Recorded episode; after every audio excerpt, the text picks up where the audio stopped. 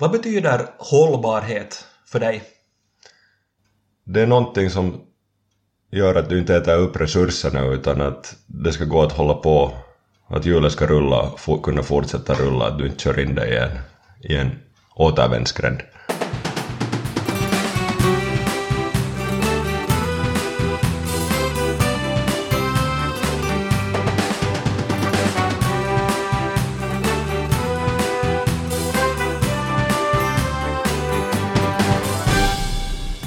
Det är dags för en ny säsong av Framtidsodlarna, podden där jag, Jens Berg, försöker ta reda på hur det framtida lant- och skogsbruket kommer att se ut.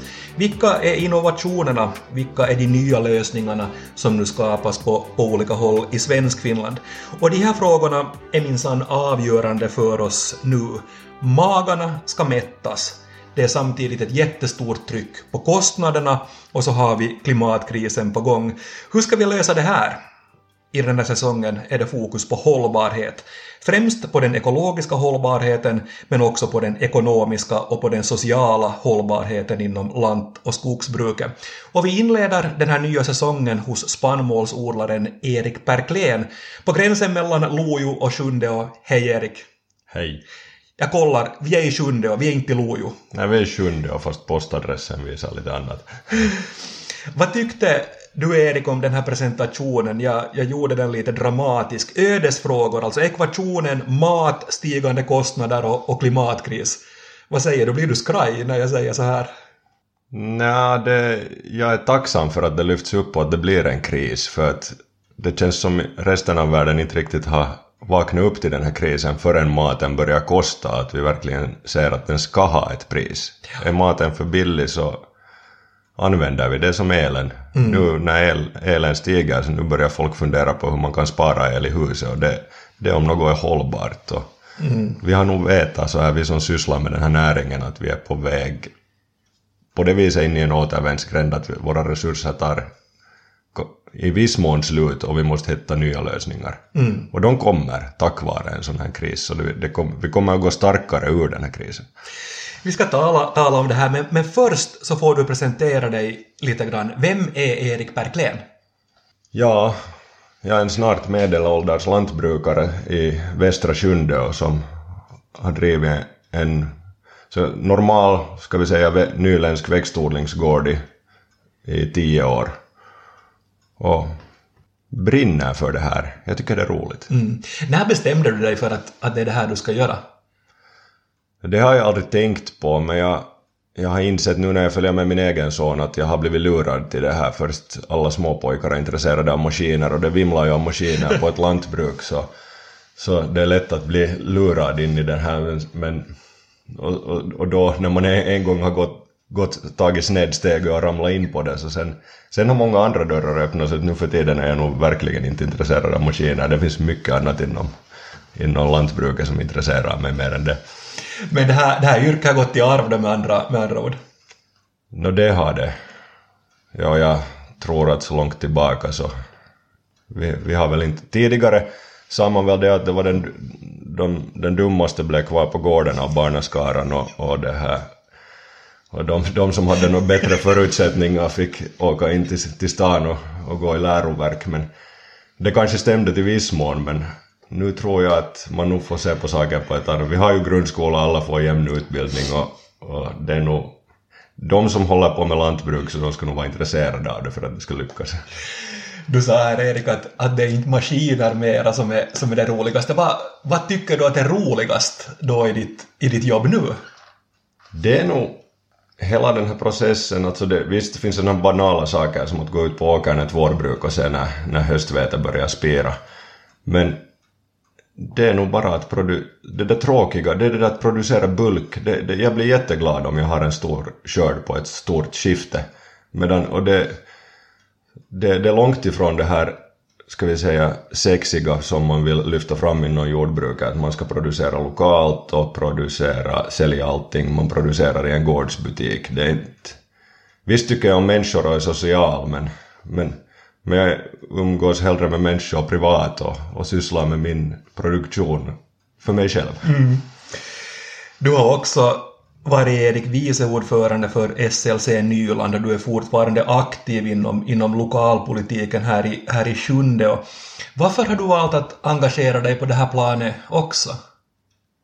Då när jag blev lantbrukare så då de här, de här som var gamla gubbar på den tiden så de berättade om en gammal gubbe när de var unga. Han hette Ralf Carell och han var en sån eh, patriark som, som pekade på dem och sa att i, i den här kommunen tar vi alla vårt ansvar. Och de behöver bara nämna det och det finns ingen patriark mera som går och pekar och säger att man ska ta sitt ansvar i, och, och, och sköta föreningar inom, inom samhället och inom, inom primärnäringen och, och inom lokalpolitiken men, men, men det, var, det var ett sånt här kallt konstaterande att, att det är er tur nu. Mm. Och samtidigt var det väldigt sådär familjärt omhändertagande att kom med i det här gänget och nu är det er tur att vi gör vad ni vill av, gör vad er generation vill av, av, av de här olika organisationerna och jag tycker det det är helt rätt och det har gett en mycket. Mm. Och speciellt med ett sånt här ensamt, på det viset ensamt arbetsliv som, som lantbrukare så är det ett komplement att få på det viset träffa kollegor både inom liksom man tänker de här producentorganisationerna som skiljer sig, för där är alla överens och vi har ungefär samma, samma linje. Sen, är det, sen var det lite stormigare att gå med i kommunalpolitiken för sådana saker som man själv tyckte att var självklara. Så var mitt i allt inte så självklara. Nej, så, nej. så det, det, ja, det ger en ganska mycket att, att få, ja. få träffa och umgås. Man, det vidgar vyerna. Jag förstår det. Men vilka, vilka frågor vill du driva? Om vi tar tar det, det politiska där ni inte är överens i, i sjunde och alla, alla gånger. Så vilka är de saker där du går igång när de säger att nu blir Erik Perklén röd i ansiktet, nu ska man vara tyst där för nu snart smäller det. Egentligen, jag har nog lärt mig att lugna mig. Det var nog efter de där första mötena så fick man inte sömn för man var så arg när man kom hem. Men det, det som retar mig fortfarande är en sån här grundprincip, tror jag, demokratisk grundprincip, att det är äganderätten att tyvärr så sätter det kopplas ju till lantbruket i och med att lantbrukare äger en massa, massa mark i en sån här landsortskommun. Och andra människor som har, har ibland svårt att se den där kopplingen att det finns någon som äger den där marken och det, det, det, är, en, det är en slags det, det är precis lika kan du äga mark som du kan äga en bil och ingen kan komma och ta den där bilen av dig. Och det, är liksom grund, det är en av grundbultarna i ett demokratiskt system att du ska kunna veta att du ska kunna våga köpa en bil för att ingen kan komma och ta bilen av dig. Och om någon tar bilen av dig så träder samhället in och hjälper mm. dig. Mm. Och det, den, det tycker jag är en så viktig grundbult så när man börjar trampa på det där äganderätten så då, då ser jag lite rött. Ja, men det, det, är ett intressant konstaterande. Vi kommer här i den här säsongen av Framtidsodlarna att tala en hel del om, om det där också just med, med skog, sen energi också, var ska man bygga, bygga vindkraftsparker, solenergiparker och så vidare. Och då kommer vi in på, på just den här frågan kring, kring ägande. Så det är, det är, en, bra, det är en bra poäng. Jag, jag, ännu, ännu vill jag fråga dig några saker, Erik, om Postis gård. Jag, ända sedan jag, jag svängde in hit så har jag funderat på Postis. Varifrån kommer, kommer namnet Postis? No, så där för att göra det kort så har det med den här postvägen från Stockholm till Viborg som Gustav Vasa grundade någon gång när han satt ordning på postväsendet på 1500-talet så då delar man in den här den här postvägen i etapper och delar ut, placera ut postgårdar längs med den. Så den som hade det här, den här gården hade i uppgift att föra postväskan till nästa postgård. Ah, okay. Och nästa postgård för att få en liksom, inblick i hur länge det tog att skicka ett brev från Stockholm till Viborg, så nästa postgård västerut härifrån låg i Karis, som är okay. 20 kilometer härifrån. Om man tycker det var en dagsetapp så det där den som klagar på posten idag så kanske borde se, fundera på hur länge det tog att skicka ett brev till Viborg förr. Och, och ännu det, vete, råg, korn, oljeväxter på cirka 200 hektar. Har jag läst rätt ungefär när jag har läst på här? Det stämmer. Det är de här grödorna, det, alla grödor odlas, odlas ju inte varje år, det är lite sådär, men för man sätter in lite för att om det nu verkar, om man tror att det kanske kan vara bra pris på en, på en viss gröda så kan man så lite mer av det men man kan inte svänga ut svängarna helt och hållet för att man måste ha någon slags växtföljd så i princip kommer alla de där in någon gång. Ja.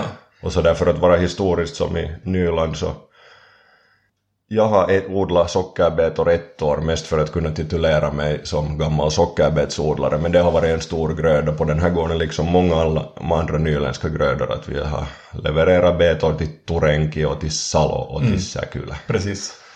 Och hur ser balansen mellan, mellan vår och höstsådden ut ungefär för dig här? Jag har varit ganska jag har försökt så så mycket som möjligt på hösten och det blir nu sådär ett medeltal kanske två tredjedelar. Och det har jag, det har jag ökat under min karriär på den här gården. Och det är ju då höstraps, höstråg och höstvete. Okej. Nu har vi de här basuppgifterna ganska, ganska klara för oss, vad, vem du är och var du, var du finns. Och då kommer vi in på, på de här ödesfrågorna. Jag tänkte börja med det ekonomiska, för det går ju inte en dag nu utan att vi läser i tidningar, hör på, på radio, ser på, på TV om det utsatta läget för er lantbrukare. Hur, hur skulle du säga att de här stigande kostnaderna påverkar dig och er här på, på Postis gård? Ja, vi har fått en tredubbling i gödselpriserna, lite mer till och med. Men samtidigt har vi fått en fördubbling i, i spannmålspriserna och det, den ekvationen går igenom. Mm. Dieselpriserna påverkar inte mig lika mycket för jag kan väl, det, det är så liten del av omsättningen som vi, vi använder diesel att, eller brännolja till att förflytta saker. Och det är i så fall den här spannmålstorkningen som, eller, som sker med propangas på den här gården. Det ska vi liksom poängtera att det är en gas som kommer från samma process som diesel och bensin.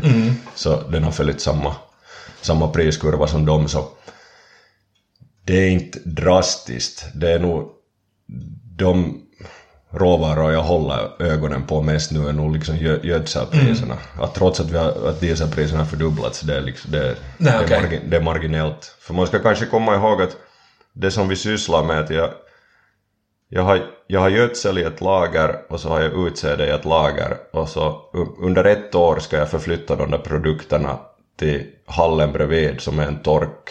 Och det är liksom den logistiken är det jag sysslar med. Och jag ska göra det så billigt som möjligt och jag ska få den där förflytten att ske med så lite råvaror som möjligt. Och, och det där är ju ingen, inte har jag ju blundat för den där för att få det gjort så billigt som möjligt under tidigare år heller så nu, nu har jag, känner jag att jag haft fingret på var jag har kunnat spara och var det lönar sig att spara och få den där helhetsbilden av det. Men förklara nu Erik för, för mig här. Gödselpriset tredubblats, sa du? Ungefär. Ja, lite mer till och med. Men vad, vad är det? Alltså, är det så att det är kopplat till, det är kopplat till energin, antar jag, på något sätt? Att det är det som gör att, att eh, gödseln blivit så, så dyr nu också? Alltså produktionen av gödsel kräver mycket energi. Så antar jag att det är det så. Ja, framförallt naturgas tyvärr. Och naturgas är nu det där, därför ville jag särskilja kopplingen till propangas. Att det, det är naturgas man tillverkar, använder i ammoniaktillverkning och den är väldigt en- energikrävande. Precis. Och det har då påverkat gödselpriset. Och det Ja. finns väl inte kapacitet heller att... Nej. Det är marknadsefterfrågan. Om kranarna är stängda så finns det inte kapacitet att tillverka gödsel heller. Nej, exakt. Hur ser ditt eh, gödsellager ut nu inför, inför 2023?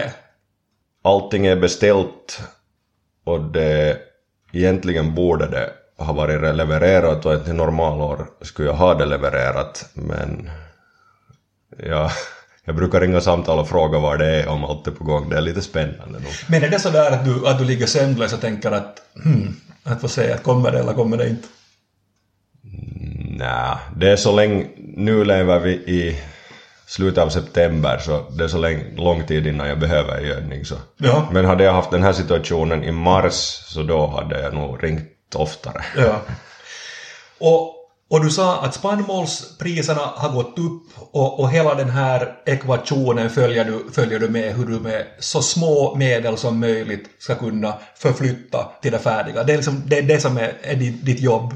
Ja, Och det, det är ju det som är det roliga med det här yrket, att det är ju, väder och vind spelar ju in en, en så stor roll att, att fast om jag ett normalår producerar en viss mängd råva eller produkt och på grund av, av regnbrist kanske jag bara får fram hälften eller en tredjedel, det har hänt av det, så då, då, blir ju liksom, då stiger ju de här kostnaderna mm. i ekvationen. Alltså jag sparar ju gödsel, jag sätter ju inte lika mycket gödsel så, men, men sådd och bearbetning och allt sånt här äter ju lika, det tar lika mycket diesel att så en åker fortfarande, så då, då ändras den här ekvationen. Mm. Och det, det är ju de där, tack, tack vare att man har de där andra väder och vindpunkterna med så är det ju ganska spännande det här yrket. Det är det. Och nu kommer vi in på, på det att hur man kan kombinera den här ekonomiska hållbarheten som vi har talat om nu med den ekologiska hållbarheten. Framtidsodlarna är idag i Västra Sjunde och jag, Jens Berg, sitter och samtalar med spannmålsodlaren Erik Perklén. Du är Erik känd för att ha en stor precision i dina, dina odlingar och det här leder i, i regel till, till stora skördar. Bland annat så, så läste jag här att du har en seger i en odlingstävling i Sverige. Du är vetemästare. Du kan titulera dig vetemästare. Störst skörd på en hektar. Det var ganska häftigt. Ja, det var ganska häftigt kan jag säga. Ja, men, ja, men, du, men, men när jag har talat med, med med människor som kan det här så nämner de dig att du, att du är expert på att få till stånd stora skördar på, på de hektar du, du odlar. Vill du dela med dig av din hemlighet? Hur, hur gör du? Ja, det är kanske krasst att berätta hemligheten men det är det att den här landsvägen som går förbi här så går just på de bästa platserna av, av den här gården så det som man ser när man kör förbi så det är de bästa odlingsmarken. Det är inte lika bra om man går runt och tittar på det från skogskanten. Men det är nog kanske... Jag tror att det är promenader över åkrarna, de, de, är, de ger en mycket fast man tycker att det, det, det är dåligt utnyttjad arbetstid. Men man måste nog hela tiden vara spot on och veta hur... Alltså, vi bönder vi odlar ju faktiskt en gröda. Det är ju inte bara, vi kör ju inte bara med såmaskinen på vägen och är vägen för ställer oss i vägen klockan fyra för annan trafik. Det, det är ju bara då ni andra märker oss. Mm. Utan hela säsongen så faktiskt odlar vi det där fast folk tror att vi gör något annat bara för att vi inte syns på landsvägarna då med våra stora maskiner. Ja. Men du går omkring och kollar lite att okej, okay, att vilka åtgärder behövs, behövs här nu och hur ser det, hur ser det ut? Det är liksom dina, det är dina bebisar.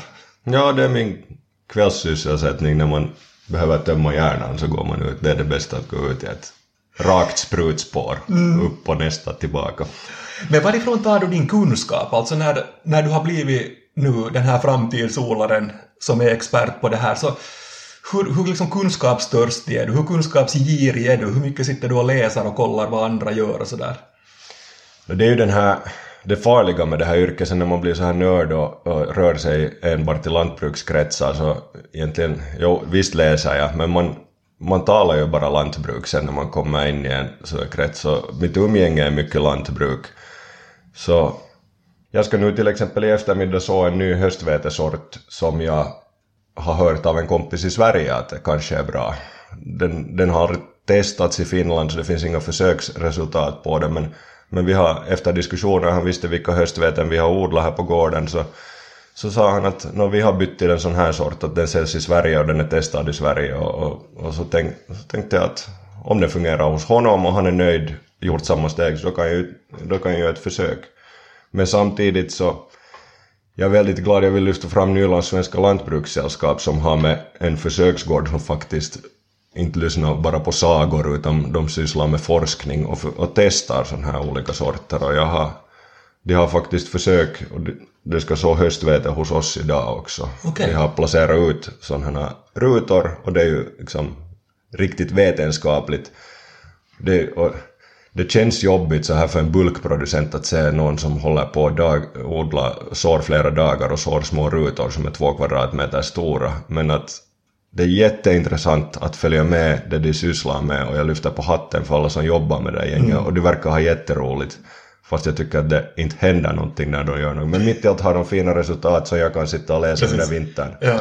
Men det här, det här är ju ett svar på, på hållbarheten också, att om vi får upp våra skördar per hektar genom den här typen av, av, av forskning och genom det du gör, så är det ju en hållbarhetsfråga definitivt. Mera mat på, på, det där, på, på lika stor hektar. Ja, absolut. Och det är ju det att så där man tänker, vad gör bönderna för det här? Inte gör vi ju någonting egentligen, vi tror ju på forskning. Att det är ju lika som med all annan cancerforskning, det behövs anslag och det, det, den där forskningen är väl lika viktig. Mm. vi ska inte kanske sätta olika forskning mot varandra i en vågskål, men, men vi ska inte åtminstone negligera forskning, den, den här forskningen av vilka vetesorter vi ska odla. Nej, nej. Ja. Men hur ser du överlag, om jag ställer en öppen fråga till, till dig, på förhållande mellan ekonomisk och ekologisk hållbarhet på samma gång? Hur, hur gör du det för att uppnå både och? Jag tycker det går hand i hand. Och på, det är ju sen, det svåra är det där på ett kort plan och på ett långt plan. Att visst att mångfald och allt sånt här, det det är viktigt och, och, du kan, vet du, för att få, man talar om mellangrödor för att få med och conservation agriculture är ett sånt här popord idag. Och, och det, det är viktigt att vi håller mullhalten i jorden och ökar mullhalten, men, men samtidigt ska vi komma ihåg att man kan inte gå helt bara en, enbart i den korridoren att vi producerar mat samtidigt. Att om vi bara gör det och odlar blommor, bränner diesel på att odla blommor, så då bränner vi ju liksom resurser i onödan. Men kan vi göra det samtidigt som vi höjer skördarna, så då, då är vi ju verkligen på rätt väg. Det var en intressant sak som du, som du skrev i en, i en kolumn i, i Landsbygdens folk. Du, du skrev så, så här, Erik. Om vi globalt ökar mullhalten i jordmånen med 4 promille per år så kan vi stoppa klimatförändringen. Om det är möjligt så skulle det vara en bra medicin för våra jordar. Förklara det här för, för mig. Ja, alltså sådär enkelt så är det väl så att mullhalt är organiskt material och det, jag jobbade i tiderna på som, som ung pojke i lagret i lokala Hankia och, och, och sålde sån här, det såldes väldigt mycket sån här Kekkilän mustamulta på vårarna. Och jag, min uppgift var det mest att bära in den här Kekkilän mustamulta in i bakluckorna åt damerna. Mm som inte förstod det att den där mustamulta består av torv, så när du häller ut det i blomrabatten så, så förbränns den och nästa, nästa vår kommer du att, att köpa en säck igen. Det, det är en jättebra affär av mm. den där firman att, yeah. att sälja, sälja torv som, för, som brinner upp i en blomrabatt och så häller de med, med, mera torv dit nästa år. Men det håller.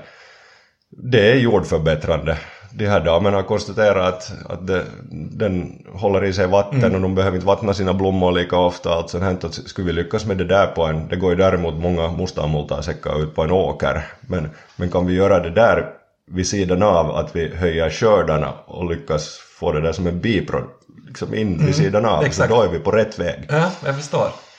Men du, du har talat och skrivit ganska mycket också om åkrarnas struktur och att det är en lösning på, på det här. Vad menar du med, med det?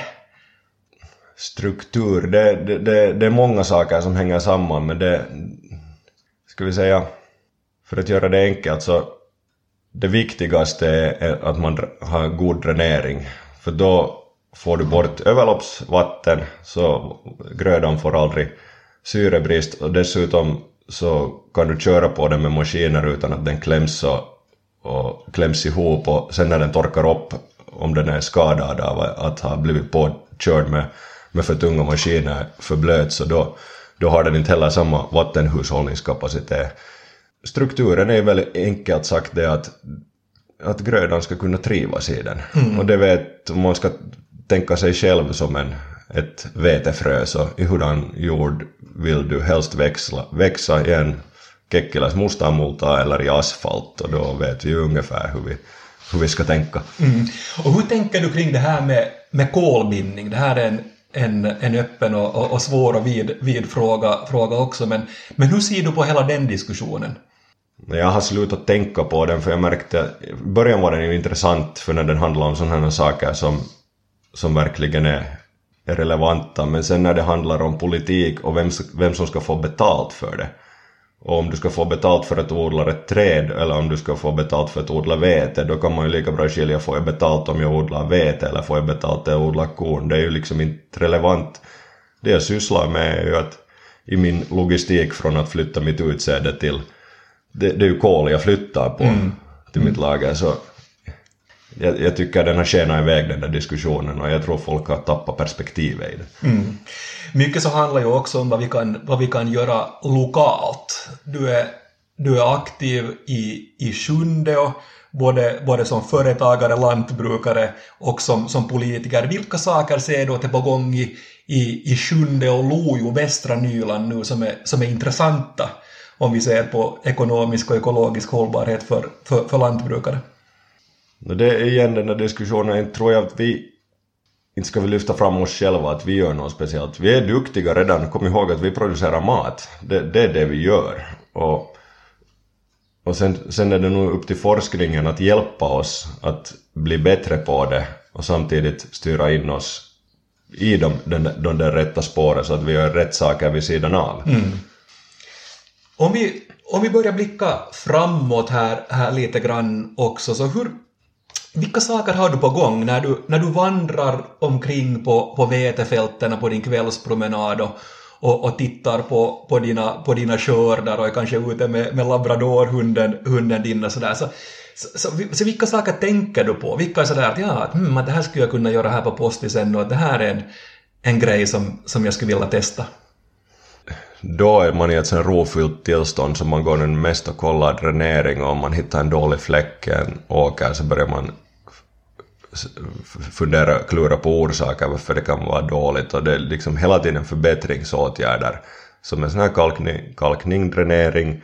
Det är de här, det är ju så tråkigt att jag tror han hette Karlsson den här killen i, i, i Hemsöborna som, som kom ut. Han, du vet han som kom som en stormvind en aprilmorgon. Mm.